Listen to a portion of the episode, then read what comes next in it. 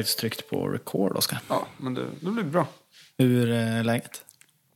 Det är bra. Det är bra. Det är tisdag. Börjar faktiskt komma igång nu på riktigt med skolan. Det, det tog tid den här terminen att komma in. Ja. Det har bara inte hänt någonting. Men nu, nu känns det rätt skönt. Suttit i ja, mycket datalabb nu och analyserat data eller vad man ska säga. Tagit igenom data vad ni inventerat. Och så får du komma hit och sen så tar du lite whisky och så sätter vi oss och pratar en stund. Ja, det är skönt också. Få lite avbrott. Ja. Själv då Carl, hur är det med dig? Jo, men det är bra. Alltså det, idag så här, jag instruerar ju också eh, på sidan av. Jag har lite gruppträningspass. Och idag så hade jag sånt där, äh, det var så fantastiskt bra pass. alltså vissa deltagare är så helt underbara. Alltså, man, man lever lite på den energin ibland sådär. Så att idag, ja det, det, det är mycket nu men det är kul. Så nu, jag är faktiskt taggad och vi ska ju dra igång det här avsnittet snart. Men jag har faktiskt ett uppdrag jag tänkte på Oskar. Jag Ja. hoppas att du hänger på det här nu. Ja. Och det är till alla lyssnare nu att, att under det här avsnittet får ni ett uppdrag att fundera ut en fråga, eller flera frågor om man nu känner för det. Och sen så skicka in den till oss. Eh, antingen på Facebook, Instagram eller om man vill mejla då på info.sjölivet.se. Eller förlåt, jourlivet.se. Så det, det är uppdraget. Och sen så, som vanligt, eller som de senaste två avsnitten, det här är ju det tredje avsnittet, som vi är sponsrade av Moringo. Yay. Eh, Kort Oskar, nu, nu kanske de flesta har hunnit lyssna och förstått lite vad Moringo är. Kan vi inte dra det lite igen? Sådär? Vad är Moringo? Vad, alltså, Men det hela går ut på att eh, du och din båtklubb får möjligheten att hyra ut din båtplats. Och att det är jäkligt smidigt. För de, er, de erbjuder en tjänst eh, som via en app låter dig hyra ut platsen. Eller hyra en plats. Så du gör, laddar ner appen, eh, skriver in hur stor båt du har. Och då visar den vilka båtplatser eh, runt om i eh, landet och världen som är tillgängliga för dig. Så kan du boka dem upp till en månad i förväg och betala via appen. Så du slipper ha med, du slipper ha med folk eller du slipper träffa folk eller du behöver inte träffa någon.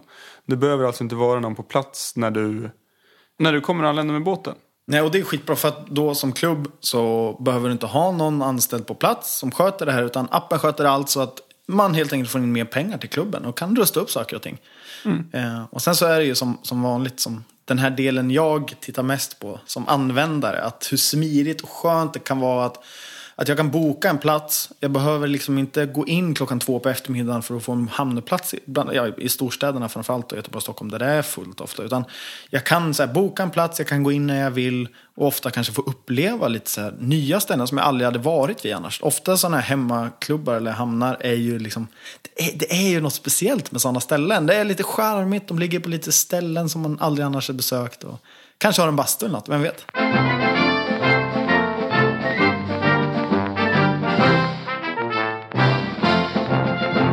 Det var ju förra veckan en liten hype runt eh, en händelse på onsdagskvällen. Det var något som gick på tv. Det gick sent, förvånansvärt sent. Ja, det gjorde det. Typ 21.35, alltså konstig tid. Ja. Ja, sen tid. Jag ser det som ett eh, familje-tv-program. Ja, verkligen. Det var, jag, jag blir alltid lite sådär, jag ska inte säga besviken, men att det bara är 30 minuter långt. Nej, Nej det, det blir alltid, för oss som har lite koll på grejerna, så det fattas ju alltid mycket.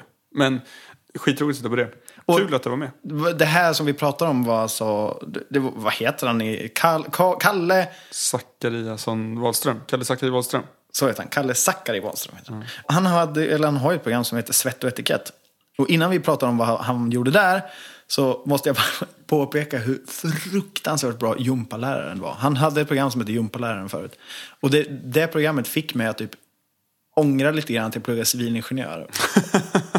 jag ville bli gympalärare. Ja. ja, men då har du lyckats. Ja, men jag tycker han är väldigt inspirerande. Och nu i alla fall så har han ett, ett program som heter Svett och etikett. Och han var och eh, seglade helt enkelt. Han var och körde F, en, ja, en båt som man säger, eller som heter F18. Ja, det är, en, eh, det är en regel. Så att det finns begränsningar. Du får göra båten kanske så här lång och den får väga så här mycket och du får så här stora segel på. Så att du har inga olika begränsningar. Så att flera olika tillverkare tillverkar då enligt den här regeln. Men båtarna blir lite olika och några blir snabbare och några blir långsammare. Och det är en katamaran. Ja. Och han fick ju segla med några, jag vet inte, vad- Ida? Ida Svensson heter hon.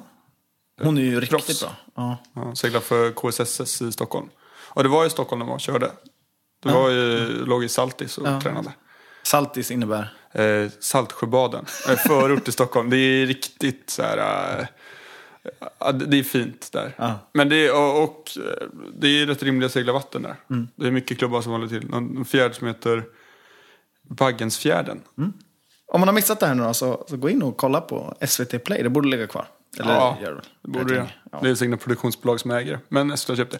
Men eh, grymt serie och kul. För han visar på mångsidigheten segling. Att det inte bara är liksom att sitta och pimpla kaffe eller dricka öl. Utan att det är en, alltså, en riktig sport där man tränar hårt. Och att det är viktigt att vara smidig och balans, styrka.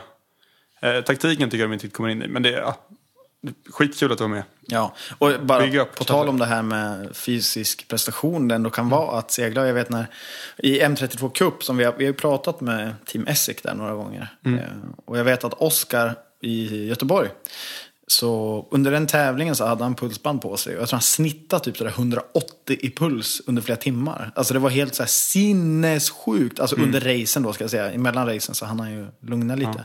Men det kanske var fyra race efter varandra. Så att, Och ett race kanske tar kvart, 20 minuter. Ja, ungefär. Så att det, det riktigt, eh, riktiga prestationer de kör. Så det är kul. En ganska het trend just nu i Sverige inom eh, kappsegling framförallt är ju shorthandsegling. Vad innebär shorthandsegling? Ja, man är kort om händer. Man kanske bara är en eller två ombord på vanliga båtar. För att folk har insett att det är, kanske, det är egentligen så här vi semesterseglar så att varför ska vi inte racea så här? Och tidigare har det varit så att man kanske haft, fått haft med en, en media crew member på båtarna. Eh, alltså någon som fotar och filmar och eventuellt kan hjälpa till om det går dåligt. Om någonting händer, om det skiter sig. Så det kan vara trygghet. Men sen också nu så börjar de diskutera att eh, man ska få med sig barn ombord istället. Och det blir alltid diskussion, vad är ett barn? 15 är det ett barn eller 12 är ett barn eller 8? Men eh, ah, det, det där det får någon annan bestämma. Men det är skitkul tycker jag det här. För det gör, eller det ger ett bra fönster att, eh, alltså att få in ungdomar och barn i storbåtsseglingssvängen. För det är så lätt att, man, att barn fastnar i, i optimistjollarna. Och sen är det inte så kul för det går inte så fort och man har ändå ingen med så man sitter där bara själv. Så att ungarna får hänga med på de stora båtarna och kanske racea mamma och pappa eller någon mamma och pappas polare. Och, och liksom se hur det går till och mm, man kommer lära sig av det. Och det är skitballt tycker jag. Det här är kul. Det här pushar jag för. Bra. Eh, det är en jättebra tråd på eh, No Crew heter en Facebook-sida. Shorthand Sailing som är riktigt bra.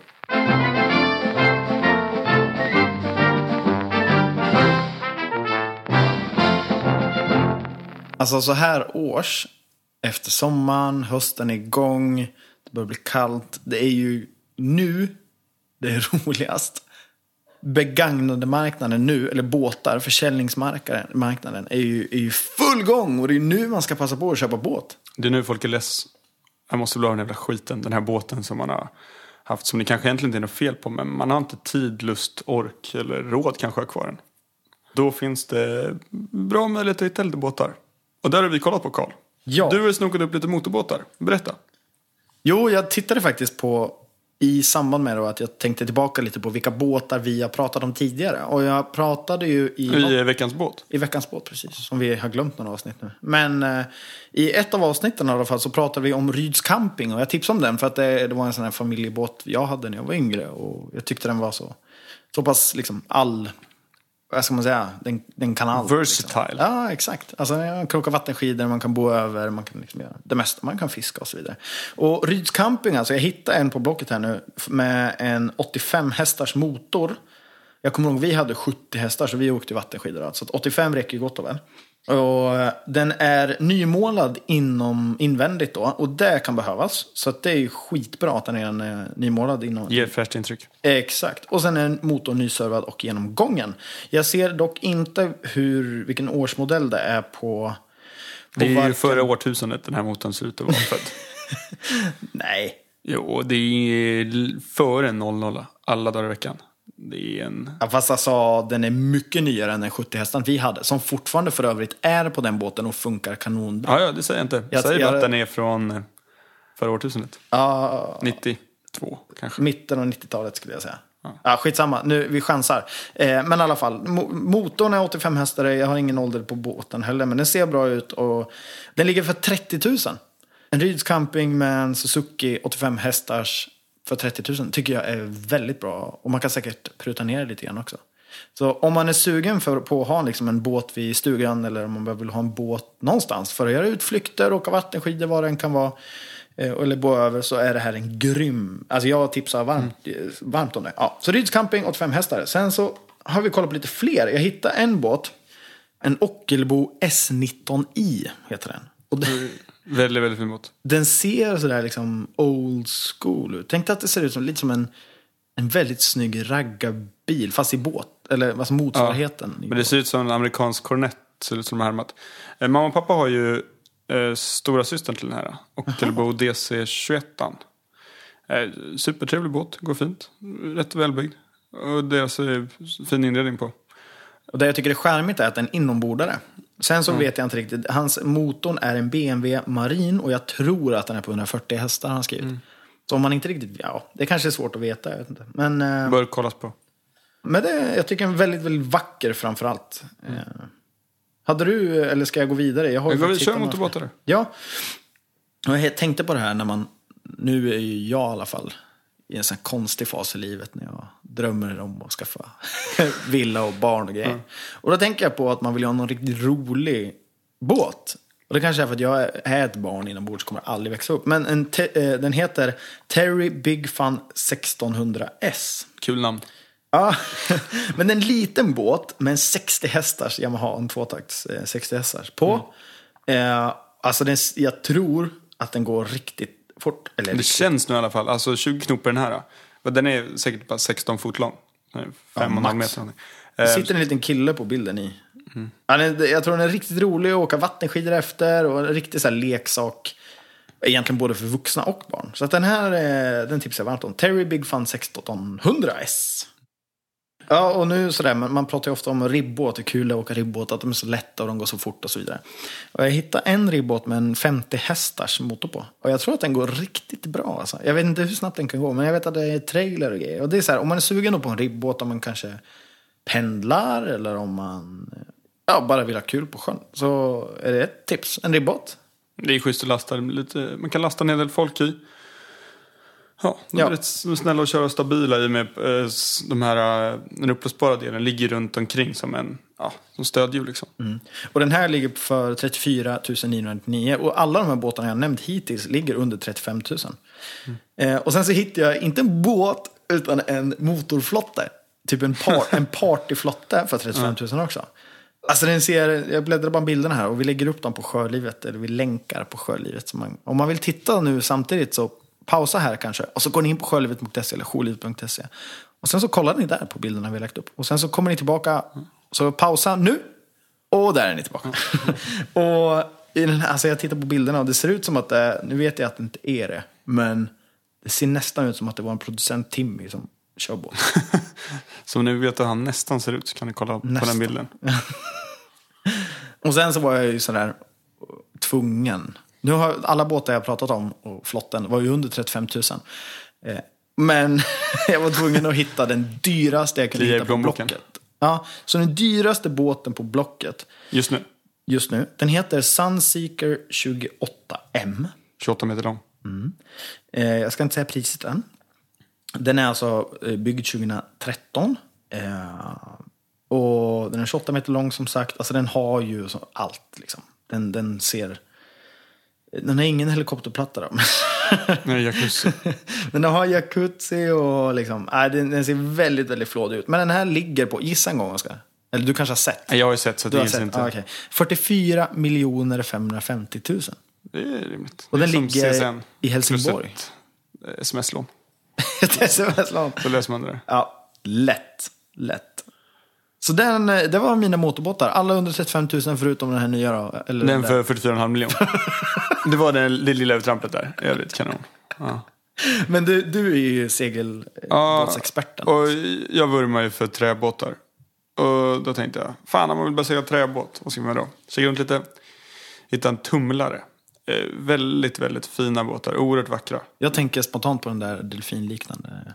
Ja, det är en, det är en, det är en val som är en tumlare. Men den, är, den heter att den är, den är spitskattad, så den är som en kanot. Den är spetsig både bak och fram. Ligger för 45 000 spänn. Sjukt rimligt pris. Alltså, jag tittar på bilder här den är fruktansvärt vacker. Tänk er Fruktansvärt en sån här klassisk gammal segelbåt. Med trä överdel. Jag vet inte om det är trä hela vägen. Jo, det är trä. Men den är också den är epoxybehandlad i däck den här. Vilket gör att den är helt tät uppifrån. Så att det läcker inte in vatten uppifrån. Och det är jätte, jätteskönt. För det är det som torkar på träbåtar oftast under sommaren. Väldigt trevlig båt. Men om det är så att vi bara ska köpa första båten. Vi har pratat om lite olika båtar. Till exempel RE85. Men en annan båt som är nästan vanligare och som är mer förekommande. Det är ju IFEN. De finns kanske på pris från från bortskänkes till ja, 70-80. Den ligger den ute för 20 000 spänn. Har segel, kök, den har liksom allt.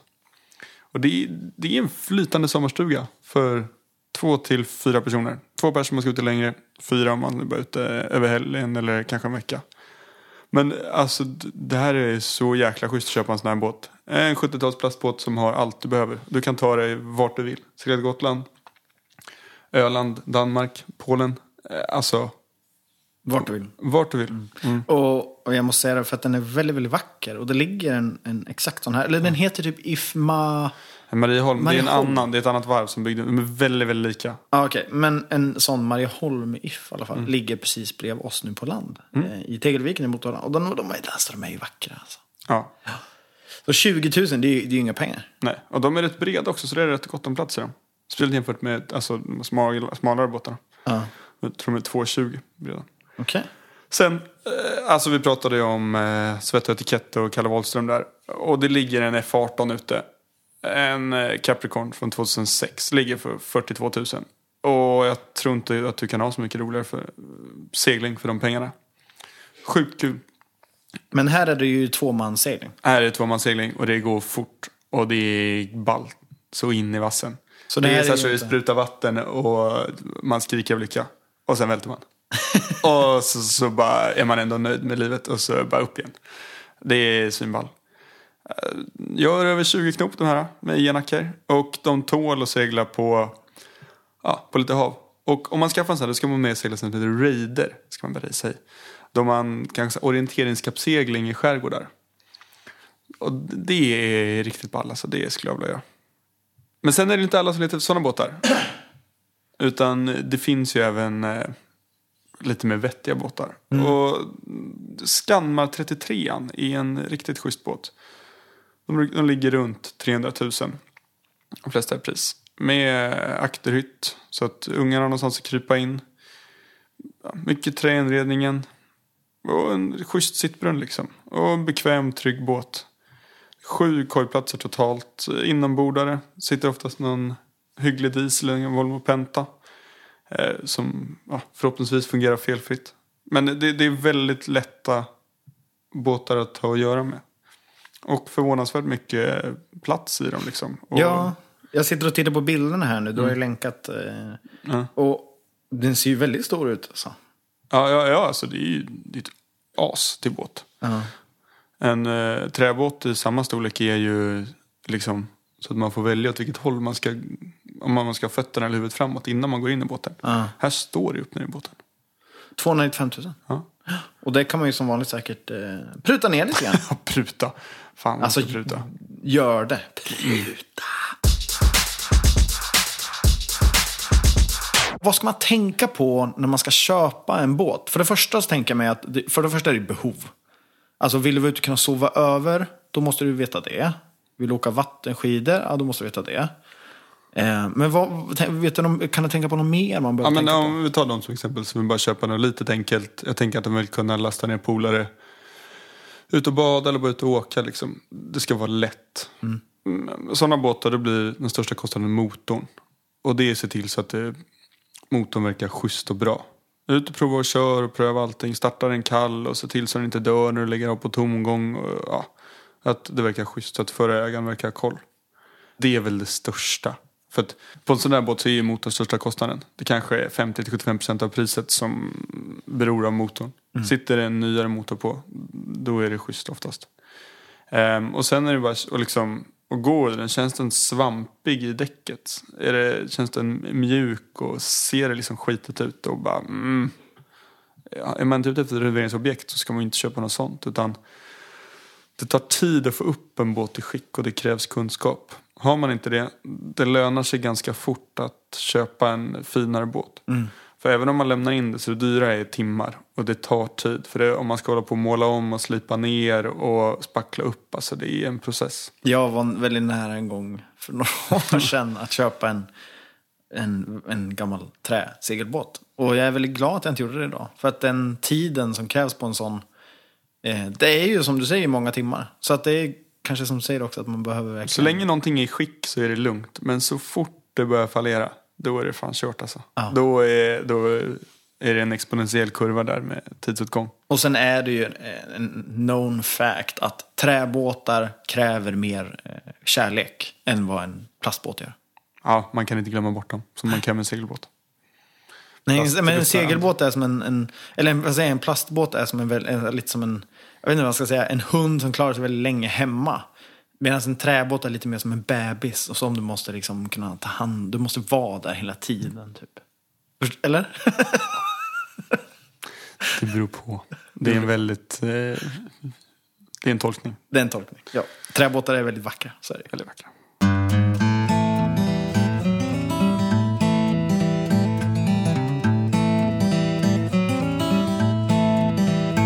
Då var det dags för veckans vettikett. Den här veckan, Oskar, så har vi tänkt att prata lite grann om eh, ja, egentligen vad vi håller på med i, i Östersjön. Lite grann att, eh, att det är mycket övergödningar och det är mycket liksom, eh, algblomningar och sånt där. Och, och kort och gott, jag hittade en graf på Världsnaturfonden. Hade någon, jag vet inte, ja, någon hemsida. Eh, som vi kommer länka som vanligt Klassisk. Facebook-länk där. Ja. Ja, det är Men mycket. som är sjukt bra. En clickbait, det var säkert där jag fastnade för jag faller jämt för clickbait. eh, men i alla fall då, det, det är en väldigt snygg graf som vi kommer dela, eller en, en, ett flöde kan vi säga. Och om vad beror, beror egentligen algblomning på och bottendöd som därav fallet blir? Och det är ju, för det första så är det ju för att vi överfiskar Och då fiskar vi ju torsk. torsk. Och då blir det för Torsken lite är en torsk. rovfisk. Ja, och den äter ju mycket då skarpsill. Ja. Och då får vi väldigt, när vi fiskar bort torsken, då får vi väldigt mycket skarpsill istället. Och vad äter de? Eh, zooplankton. Eh, djurplankton alltså. Ja, och, så de äter väldigt mycket djurplankton och det är väldigt lite djurplankton. Och vad händer då istället? Eh, djurplanktonen äter ju zooplanktonen, alltså växtplankton. Och nu kan de inte göra det. Alltså blir det mycket växtplankton. Exakt. Då med hjälp av solvärmen och allt det här så blir det övergödning och därav då algblomning och botten dör. Ja, och det här med att zooplanktonen de ökar i antal då, på grund av övergödningen i Östersjön. Och det beror ju till stor del på jordbruket, ser man väl som det största, som gödlar, eller gödslar så pass mycket. Och att Östersjön har så stort tillrinningsområde för ett så litet hav. Det, är- det är kämpigt för Östersjön. Och det här är ju det är väldigt tydligt, det är superspännande. Det här med överfisket det grundar sig kanske i 80-talet och man hade väldigt, väldigt mycket torsk. Och att jag vet inte, i Sverige då så subventionerades det väldigt mycket för fiskeriindustrin att köpa in sig i stora trålare. Alltså stora båtar som ja, trålar Östersjön. Eh, vilket gjorde att man fick jättemycket torsk. Men torsken klarar inte av det här. Vilket gjorde att populationerna rasade oerhört. Och nu sitter då fiskar, ja, fiskarna med de här stora trålarna kvar och kanske lån som varit subventionerade av staten. Vilket gör att de kan inte fiska med båtarna. De, båtarna blir inte lönsamma. Och så sätter man kvoter som är för låga. Så det, det är också en jättesvår grej. Det, är, ju- det blir fort politik av sånt här. Och man kan ju gå in och bli en fadder. Alltså, jag, jag, har ju, jag är ju för Rädda Barnen. En fadder för vad då? Ja, jag tror det heter Rädda Östersjön. Eller sånt där. En insamling. Eller man- Så man kan bli en fadder och månadsgivare då. För att hjälpa till och eh, behålla Östersjön som det är. För att det, som sagt det är en insjö, väldigt utsatt. De har, vi har ju börjat införa lagar och sådana här saker nu. Till exempel med att man inte får släppa ut toalett, eh, toalett eller av, avföring i, i sjön. Och det tycker jag är kanon. Men just nu, de har ett projekt just nu, WWF, som handlar om vad då? Spökgarn. Ja. Alltså spökgarn är fisknät som eh, alltså förlorats på ett eller annat sätt. Alltså att man då tappar dem eller att man missar att hämta hem dem. Sliter de sig i storm. sliter sig, att de fastnar någonstans och sådär. Så att Världsnaturfonden har då ett projekt och de, jag tror de har ett samarbete med typ polska fiskare och typ från Litauen och sånt där. Och då, det de gjorde under 2015, det var att plocka upp sånt här spökgarn. Och de plockade, plockade upp 26 800 kilo spökgarn. Alltså fiskenät som ligger och... Jag har dålig koll på hur mycket ett eh, garn eller ett nät väger. Men eh, alltså nästan 27 ton. Det är hur som helst satans mycket garn. Ja, och om man lägger ut det där garnet då så blir det alltså 13,6 mil långt. Så att det är mellan Norrköping och Stockholm i en enda lång sträcka. Men vad är det som gör att det här liksom, ja, garnet, eller vad vi nu ska kalla det, är, är så farligt? Alltså det är inte så att de slutar fiska bara för att ingen använder garn. Utan de ligger kvar och fortsätter fånga fisk. Eh, vilket gör att ja, alltså det är ett väldigt outnyttjande av, den, av en resurs. Sen är det så att det finns andra predatorer, typ som tumlaren i Östersjön. Som är väldigt hotad. Den inser att här är det superlätt att fånga fisk. Så den kommer dit och tar. Fåglar dyker på det här. Ja, men tumlaren, den måste ju andas vid ytan också. Så Ja, den precis. drunknar ju. Den. Ja, exakt. Den drunknar och dör. Det är supertråkigt. Men sen finns det fåglar som dyker på de här näten om de är nära. Så det fastnar fåglar i. Ehm, det är oftast något plastbaserat. Så de ligger och läcker ut små så här, mikroplaster. Som diskuteras mer och mer. Som är superdåliga. Som man ser en så här biomagnifikation utav. Som kommer upp i näringskedjorna. Som gör till slut att vi får i oss plasten. Ehm, ja, så att de här näten som bara ligger och driver är ju skit. Men då, jag, jag har läst lite om det här, om eh, fiskeripolitiken. Som Isabella Lövin har skrivit en bok som heter Tyst hav. Den har ett år på nacken nu. Vi fick läsa den i gymnasiet. Men den är riktigt bra. Och Isabella Lövin, det är hon som är vice statsminister Ja. Miljöpartiet. Hon satt med nere i Bryssel och diskuterade just eh, fiskeripolitik. Hon skriver ganska roligt här om hur de eh, men hon, hon pratar på lite större nivå också. eh, Med mycket om eh, spanska och portugisiska. Representanterna sitter och gråter i toppmötena. Men det är skitkul. Eh, Eller hon beskriver väldigt roligt. Bra bok. Och- Men för att och det är ju inte bara skit med fisket och att ehm, och att det är en övergödning för jordbruket utan eh, vi båtägare skiter ner på många andra sätt. Dels genom att vi använder förbränningsmotorer med fossila bränslen och eh, alltså den skiten vi släpper ut via våra toaletter som nu håller på att minskas allt mer i och med att det är förbjudet. Så något, det som är typ den största delen uh, utav vårhandeln på, inom tillbehörssidan på båtar så är det ju bottenfärger. Ja, så det är här, nu har vi haft en snygg liten övergång här nu. Vi har förklarat lite under vet, vetikett som vi kallar det. Mm. Vett och etikett. ja. Vi är kvar där. Eh, vi har förklarat lite vad som händer och med Världsnaturfonden. Och sen så Mm. finns det ju då, som Oskar säger här, då, att vi, kan, vi påverkar det här. Och det är ju något speciellt som vi gör som påverkar sjön. Och vad är det, Oskar? Ja, men det är att vi målar med de här giftiga färgerna. Bottenfärgerna. Ja, ja precis. Och det är inte inne i insjö för där är alla biocider, alltså alla gifter förbjudna. Tidigare var det zink, idag är det koppar. Och det är så här lågläckande kopparfärger som är tillåtna idag. Så att det kommer ut väldigt, väldigt lite koppar i havet. Men det är fortfarande att det kommer ut och det finns väldigt många fritidsbåtar. Och det målas väldigt mycket. Och det finns egentligen typ två typer av mjuka och hårda färger i huvudsak. En mjuk färg släpper lite hela tiden när man kör med båten. Som gör då att, att de här snäckorna inte fastnar. Ja, precis. Ehm, och de hårda är mer giftiga. Så då innebär att kopparn gör så att de inte kan sitta där. Det stoppar celldelning. Men det finns ju också alltså, biocidfria, miljövänliga färger. Och de får ju ofta så att de har en hård, glatt yta. Eh, WC17 var en tidig sån här färg. Det, fin- det finns en som heter WC17 som har metallisk koppar i sig som är tillåten på västkusten. Den är inte miljövänlig. Men det finns den WC17 Eco som innehåller teflon som är väldigt, väldigt hal. Och eh, jag vet att det utvecklats andra färger. Det var ett tag man höll på med en färg som, eh, som innehöll ett näringsmedel som gjorde att man hade små bakterier som satt och åt på botten, eller på båtbotten då, när man låg still. Och det här skapade en syrefri yta närmast båten. Så då vart det ingen påväxt. Den är lite, den var, inte riktigt fått till, eh, den är inte så användarvänlig bara. Men det finns på marknaden. Men alla andra de här hårda färgerna är väl egentligen den vanligaste. Som är hårda och glatta liksom. Och som är till för att tvätta av båten. Och då finns det lite olika tvättmetoder. Eller hur Carl? Ja, det finns ju några olika såna här tvättmetoder. Och eh, det, finns ju, det finns ju till och med alltså, båttvättar. Typ som när du åker in med en bil och tvättar. Eh, Typ exakt samma sak fast för båtar. Typ Boat Washer Ja. heter det va? Ja, det är något företag då som det finns På både östkusten och även på, jag tror det finns mitt i Smögen, typ. Mitt i Smögenbryggan tror jag finns någon. Och det finns lite överallt då. Framförallt öst och västkust. Och man är- helt enkelt bara kör in med båten. Och sen så är det som borstar under båten som, som tvättar. Ja. Och jag, jag tror inte det kostar speciellt mycket. Men jag vet Jo, jag tror att det inte är superbilligt. Ah, okej. Nej, men eh, alltså det bör säga att bottenfärger, de giftiga, är inte billiga. Nej, precis så är det. Men, men det som är då att man behöver på östkusten kanske tvätta botten var femte vecka. Och på västkusten var fjärde vecka. Ungefär. Och sen mer då under de perioderna som är eh, när havstulpanerna blommar, för det är de som är värst. Och sen så finns det ju lite andra sätt om man inte vill hitta en sån här ja, tvättplats, då, boat washer. Eh, så finns det något som heter skrubbis. Det vet du vad det är, Oskar? Ja, men det är som en specialutvecklad borste för att tvätta under båten. Man, och det är som en, eh, en borste fast med ett cellplasthuvud som flyter. Så man, man trycker ner den under båten så flyter den upp mot skrovet och så drar man den bara fram och tillbaks. Det går såklart lika bra med en vanlig borste, men eh, skrubbisen kan vara lättare.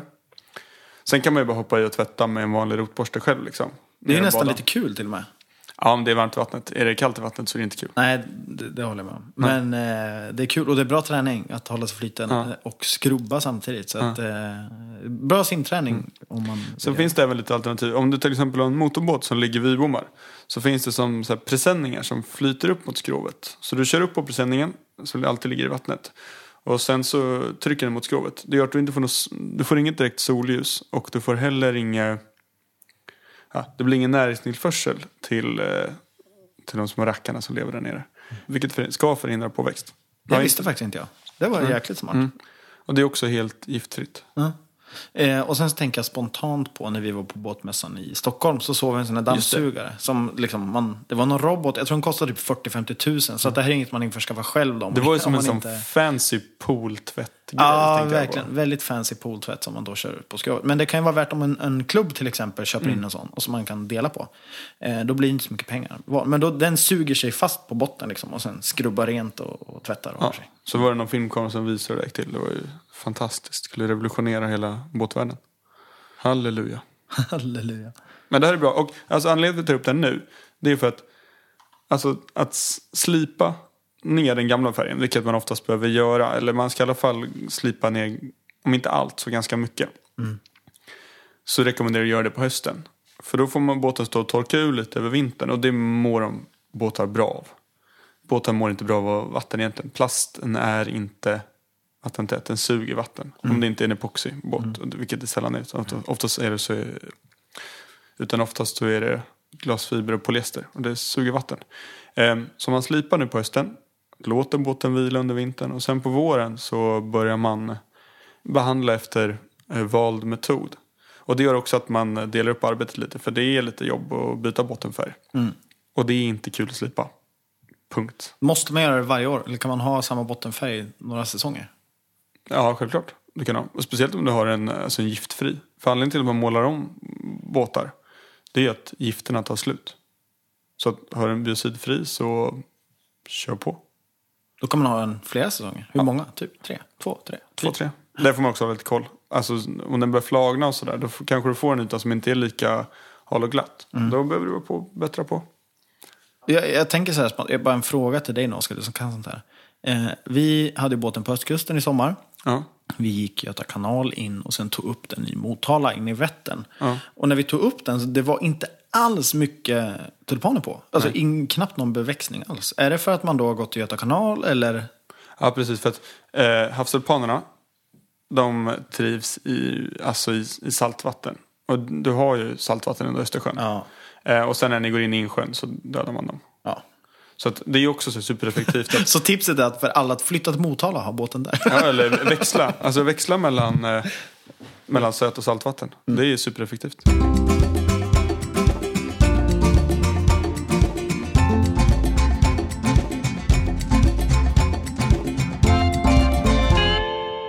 I fredags i alla fall så kollade jag och Frida på en film som heter A Hijacking. Och den handlar, det är en dansk film och det handlar om en huvudpersonen, en dansk kock på ett fartyg då. Det framgår inte riktigt vad för slags fartyg, om det är fiske eller kommersiellt eller om det är handels eller, eller vad säger frakt eller vad det är. Det är en norsk kille, sen tror jag lite mer norskar och sen lite andra nationaliteter. Men jag tror det är framförallt, eh, nej danskt, förlåt, inte norsk, danskar. Och det handlar egentligen om att de blir kapade av pirater. Mm. Jag tycker det är väldigt, väldigt spännande. Det här började väl typ 2005 började liksom bli så här mycket. Mm. Det hände mer och mer då. Det handlar ju framförallt, eh, man, jag vet inte, många kanske känner igen somaliska pirater. Sen vet jag inte om det bara är runt Somalia. Det är väl där det har varit stökast. Och det är ju också för att alltså, man går genom Suezkanalen så är det ett smalt hål där. För att slippa mm. gå runt eh, eh, Goda Hoppsudden. Men om man, om man typ uh, går in på Wikipedia så söker man typ på List of ships attacked by Somali pirates. Eh, så kan man få liksom en lång lista över, detaljerat över alla fartyg som har blivit kapade av pirater. Och det är några stycken alltså. Och det håller på fortfarande. Och det här tror jag handlar om en, eh, det är väl baserat på en verklig händelse tror jag som skedde väl på typ 2011 kanske. Eller nej, jag kanske drömmer. Det fanns någon... 2007 var det en dansk båt som blev... Eh... Ja, men det, var någon, det finns ju också en, en, jag tror en dansk båt, familjebåt, som ja. också blivit kapade. Ja, det, det har jag svagt minne av. Jag trodde det skulle handla om det filmen. Jag, jag har inte sett den här nej, filmen, det så det är superspännande ja. för mig. Eh, och jag, jag tycker det, det, är väldigt häftigt, eller häftigt kan man säga, det är ju tragiskt, men det är väldigt spännande också det här med pirater och hur Alltså jag tänker, pirater idag är ju liksom inte, de har inte en lapp för ögat och ett svärd och är enbenta. Ja. Det är inte så det funkar. Liksom. Det är inte rödskägg som kommer och anfäktar och anammar. Jag Nej. vet inte vad de gör. Pirater. Ja, men de är lite mer sofistikerade än så. Ofta lite mer, har en plan kanske. Eh, men jag, jag, tänker spontant, för det är en kompis till mig som har jobbat med en väldigt cool, eller han har gjort ett exjobb, han går i min klass, han har gjort ett exjobb som är väldigt coolt, som jag ska återkomma till. Men det finns ju massa olika sätt som fartyg kan skydda sig mot pirater. Och det mm. tänkte jag prata om. Att jag tar upp de här, några saker som, man, som fartyg gör för att skydda sig mot pirater. Och det man spontant tänker på är ju alltså, beväpnade vakter. Men de säger väl också att det är stökigt att ha vapen med sig Börjar man skjuta med dem så finns risken att de skjuter tillbaks. Ja, så är det ju. Och, men det finns ändå att man har beväpnade vakter och, jag tror det är typ fyra de brukar ha. Om man nu säger så. Eh, mm. men det, som, det, det, kanske inte är det mest effektiva. Och som du säger Oskar, att det kanske, de skjuter tillbaka som sagt piraterna. Och det är så här, ofta så kommer de här piraterna i mycket mindre båtar. Eh, och kör fram då och sen klättrar upp längs sidorna på de här fartygen. Men det finns ett vapen som, som jag inte riktigt eh, förstår hur det funkar. Men det är alltså ett, ett ljudvapen, eller en ljudpistol. Ah, här har jag sett en dokumentär på Discovery Channel. Är det sant? Jajamän. Discovery Channel is the shit. Berätta. Ja men eh, precis som du säger, de skjuter alltså ett... Det är en asfet riktad högtalare. Alltså, som, då blir man, alltså gör det ont i öronen? Eller? Ja, det var ett sjukt obehag det är skitsvårt att förstå, men alltså de, filmade, eller de utsatte den här uh, reporten som var där och tittade på den här uh, American Base Sound Destruction. Alltså det var det coolaste som fanns. Var det typ militären du kom Ja, ja precis. Ja, ja. Och det är väl antagligen, alltså det är samma applikation, eller ja, olika applikationer med samma vapen. Och det var alltså en asfet riktad högtalare. Men var det, det såg ut som en grå fyrkant bara. Ja, och högt. Och att det var väl, jag kommer inte ihåg exakt, men det var jäkligt effektivt. Alltså att det var ungefär som en laser fast... Med ljud? Ja, precis. Så det var en väldigt smal stråle. För de pratade också om att använda det här mot huliganer och liknande. Mm. För att i och med att du kan rikta det så, så stör du inte omgivningen. Utan du, stör, du, kan, verkligen, du kan sikta och skjuta ljud. Mm. Och att det var sjukt högt. Och att du verkligen, alltså det såg ut som att de var typ nästan med en sån här uh, taser gun. Att de bara ah! Ett tag sedan jag såg den här så jag minns inte detaljerna. Men jag ja, kommer ja. ihåg det. Ja, men titta. Jäkligt fett. Så de har ju då eh, ljudpistoler men så har de även ljus, alltså laser. Mm. Eh, och sen, det här är väl inte som en sån här laser som alltså, skär saker. Det är inte en death laser. Nej, nej, utan det här är mer, jag tänker mig en väldigt stark sån här laserpenna typ. Ja. Som egentligen försvårar, eh, alltså de, de kan inte riktigt sikta på, eller ja, ta fäste på båten om man ska säga. Jag vet inte, jag vet Nej, inte men det, hur det, det, det är väl mot synen som man fladdrar. Alltså, ja, du, ser dåligt. Det står här. Uh, would not permanently, permanently damage eyesight. Så ah, det är okay. väl alltså tillfälligt. Du, det är som att titta in i solen tänker jag. Ah. Men sen så kommer vi till eh, ett till slags skjutsak då. Som min kompis faktiskt har gjort ett exjobb mot. Och det är ju vattenkanoner. Ah. Och det, alltså, det är ju sådana... Det är alltså helt sjukt mycket tryck i de här vattenkanonerna. Och det, det min kompis egentligen har gjort är att han har gjort ett eh, fjärrsystem. Och han har, han har typ gjort så att man kan styra det med en sån här, eh, och, ja, med, med handen. Eh, typ att man då kan styra de här kanonerna med hjälp av handen. Och sen har han även gjort andra slags varianter på det hela. Att man kan styra, Alltså som styra. typ vid, eh, alltså, vad heter det? alltså- Nintendo Wii, fast du inte har en kontroll utan att du bara har... Eh, Bara handen. Det är som en, en liten... Oj, jag har helt glömt bort vad det heter. Men ni, ni kanske kommer En kamera? veta. Nej, men ja, det är som en sensor som du sätter... Om säg att du sätter en liten dosa, eller vad man ska säga, mitt på bordet. Och så kan du hålla handen några decimeter över. Och sen läser den av din hand hela tiden. Ja. Så att du styr med hjälp av handen och siktar och höjer och sänker och styr den med hjälp av det. Men det är ju inte där han... Tanken är väl inte att man ska applicera det för att det är inte här superexakt. Men man, oftast använder man en joystick när det är sådana här saker. Men han gjorde också så att man kan typ styra med hjälp av en, en smartphone eller en, palla, palla, eller en padda eller dator och sådana här saker. Så och fördelen med de här är att man har ju tillgång till vatten. Helt, ja, ja du är ju på, ja, Du är på havet. Men, och det är så sjukt för det är sådana mängder, det är 5000 liter i minuten. Ja. Och tänk dig då om du, alltså, det är likadant när du har en vanlig vattenkran hemma typ. Eller så här i trädgården. Och så ska du, om du klämmer åt den så blir det ett väldigt tryck. Och tänk dig då 5000 liter inom ett rör som är lika tjockt som din tumme typ. Det blir sånt fruktansvärt tryck så att, ja, piraterna har inte en chans Du att ta sig båten. på... Ja, men de har och inte en du chans slår ju ut mycket elektronik som de har också. Radioapparater och liknande. Och typ spolar vapen och händerna på dem. Ja, så det är ju ett sånt där sätt. Jag, jag, jag tror att jag hade föredragit om jag var nu var boss på en, ett stort fraktfartyg. i Så här, vattenkanon liksom. Riktigt fet sådan, eller flera stycken. Men sen så har de också såna här traditionella grejer som typ alltså, taggtråd. Eh, ja, alltså elektriska staket typ. För att skydda sig från att, för det som händer är att piraterna ofta, de klättrar ju längs med sidorna upp på båten. Så att ju svårare man gör det för att ta sig upp på sidorna, antingen ska man sätta vattenkanon längs med hela som bara sprutar på hela sidorna. Eller så sätter man taggtråd eller något elektriskt staket. Eh, och sen finns det även någon, så här, någon, typ, någon slags foam. Alltså, vad är foam på svenska? Skum. skum. Eh, och, som gör att det blir väldigt, väldigt halt. Eh, sådär då. Eh, och sen finns det även en, en vätska som är så här illaluktande vätska. En stinkbomb. Ja. Tänk dig då, göra handgranater. Det, är ju inte, det, är, det är ju inte så här, men jag tänker mig att man sätter handgranater fast som är en stinkbomb. Som man gjorde när man var, typ, man satte ihop Kinderägg med någon röra. Det gjorde jag, Ja, men det- inte jag ska jag säga, när jag var liten. Men, eh, luktade illa. ja, väldigt Ja, illa. Det gjorde inte jag. Och sen så har de ju även typ att de kastar ut, alltså fraktfartygen då, kastar ut nät framför de här båtarna. Typ något, någon slags trap liksom. Som gör att det här nätet åker in i propellrarna på pir- pir- piraternas båtar och fastnar. Så att det, det är ju lite, jag tycker ändå det är lite spännande och det, det är ju på något sätt en industri det här. Olika sätt att skydda sig mot pirater. Och jag vet ju, vi pratar ju med eh, Martin Strömberg som har seglat runt, eh, runt hela jorden tre gånger, har varit med i Volvo Ocean Race. Ja. De har, deras arrangörer bestämmer ju rutten och det är hela tiden att de tar då i beaktning vart det finns pirater och sådana här saker. Så att de undviker ju de värsta och mest utsatta områdena. Men de körde ju ett ben där de gick alltså från eh, Kapstaden i Sydafrika upp till eh, Förenade Arabemiraten. Eh, och då gjorde det så att de seglade till en okänd punkt. Eh, alltså det var ett eller fraktbåt som låg ute och väntade på dem. Där de, båtarna lyftes upp och sen fraktades till ett annat ställe. Och det var just genom den här mest känsliga zonen. Eh, Det här visste inte jag. Nej, och sen lyftes båtarna ner. Så att de, eh, för att man var just oroliga. Och de var ju oroliga att de skulle vara sjukt high target mål.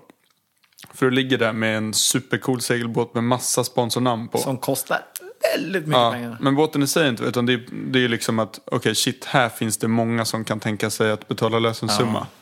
I och med att det, liksom, det står tryckt bara, reklam över hela båtarna. Är det så att det är vindstilla, de har inte en chans att köra ifrån. Nej. Även om båtarna är svinsnabba så är man inte alltid snabb i alla riktningar. Och när det inte blåser, då blåser det inte. Då blir man lingres. Och de har ju en liten diesel inombords där, men de kanske gör liksom kanske tio knop per en om du vill se bra. Max alltså. Ja, och då är det rätt kört. Men sen också, jag har mycket polare som jobbar på såna här superjotter.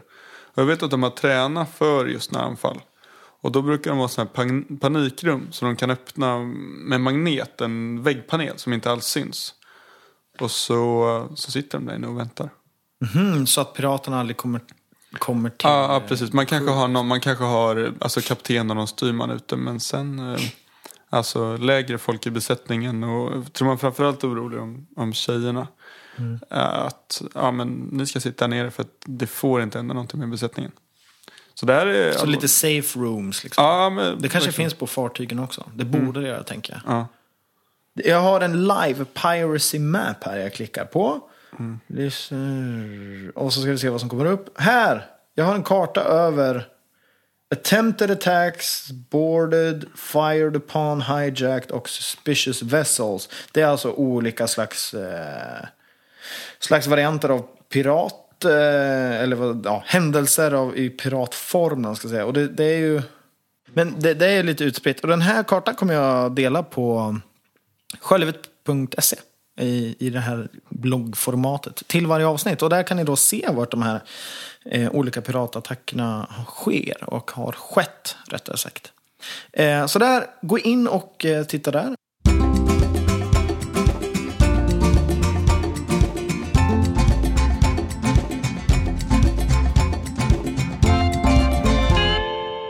Det är ju faktiskt så här Oskar, att vi är ju alldeles, alldeles strax färdiga för idag. Det här, vad blir det? Är det tolfte avsnittet? Tolfte avsnittet. Tolfte avsnittet. Och återigen, vi är ju sponsrade av Moringo. Alltså moringo.com, det stavas M-O-O, Ringo, två O. Eh, och ladda gärna hem appen. Ja, den är skitbra. Jag har den. Jag har Ja, inte men- använda den än dock. Nej, inte jag På heller. grund av eh, icke eh, varit i båt. Men jag har fått eh, folk som har frågat mig om den. Ja. Och mitt mål är att försöka använda den eh, nästa år. Mm. Så att det hoppas vi. Och eh, som sagt, ladda hem appen, checka in den. Eh, kolla på moringo.com. Och sen som vanligt så följ oss på Facebook. Där heter vi Sjölivet. Följ oss på Instagram. Där heter vi Sjolivet podd. Och sen så framförallt att gå in på sjölivet.se. För där kan man läsa om de här sakerna vi pratar om. Om eh, Ja, egentligen allting. Om bilder, man kan se båtar, man kan se platser. Och så vidare, och så vidare. Och sen så, återigen, som vi sa där i början. Jag hoppas att ni under avsnittet kanske kommit på någon fråga eller någon fundering. Och, och skriv gärna upp någon sån fråga och skicka in det till oss. Skicka på, på, skriv ett meddelande på Facebook bara, eller på Instagram. Eller så mejlar du eh, på snabela, eller vad säger jag, vad heter det? Info snabela jourlivet.se med de orden så tackar vi väl för idag. Eller hur Oskar? Ja, hej då! Hej då!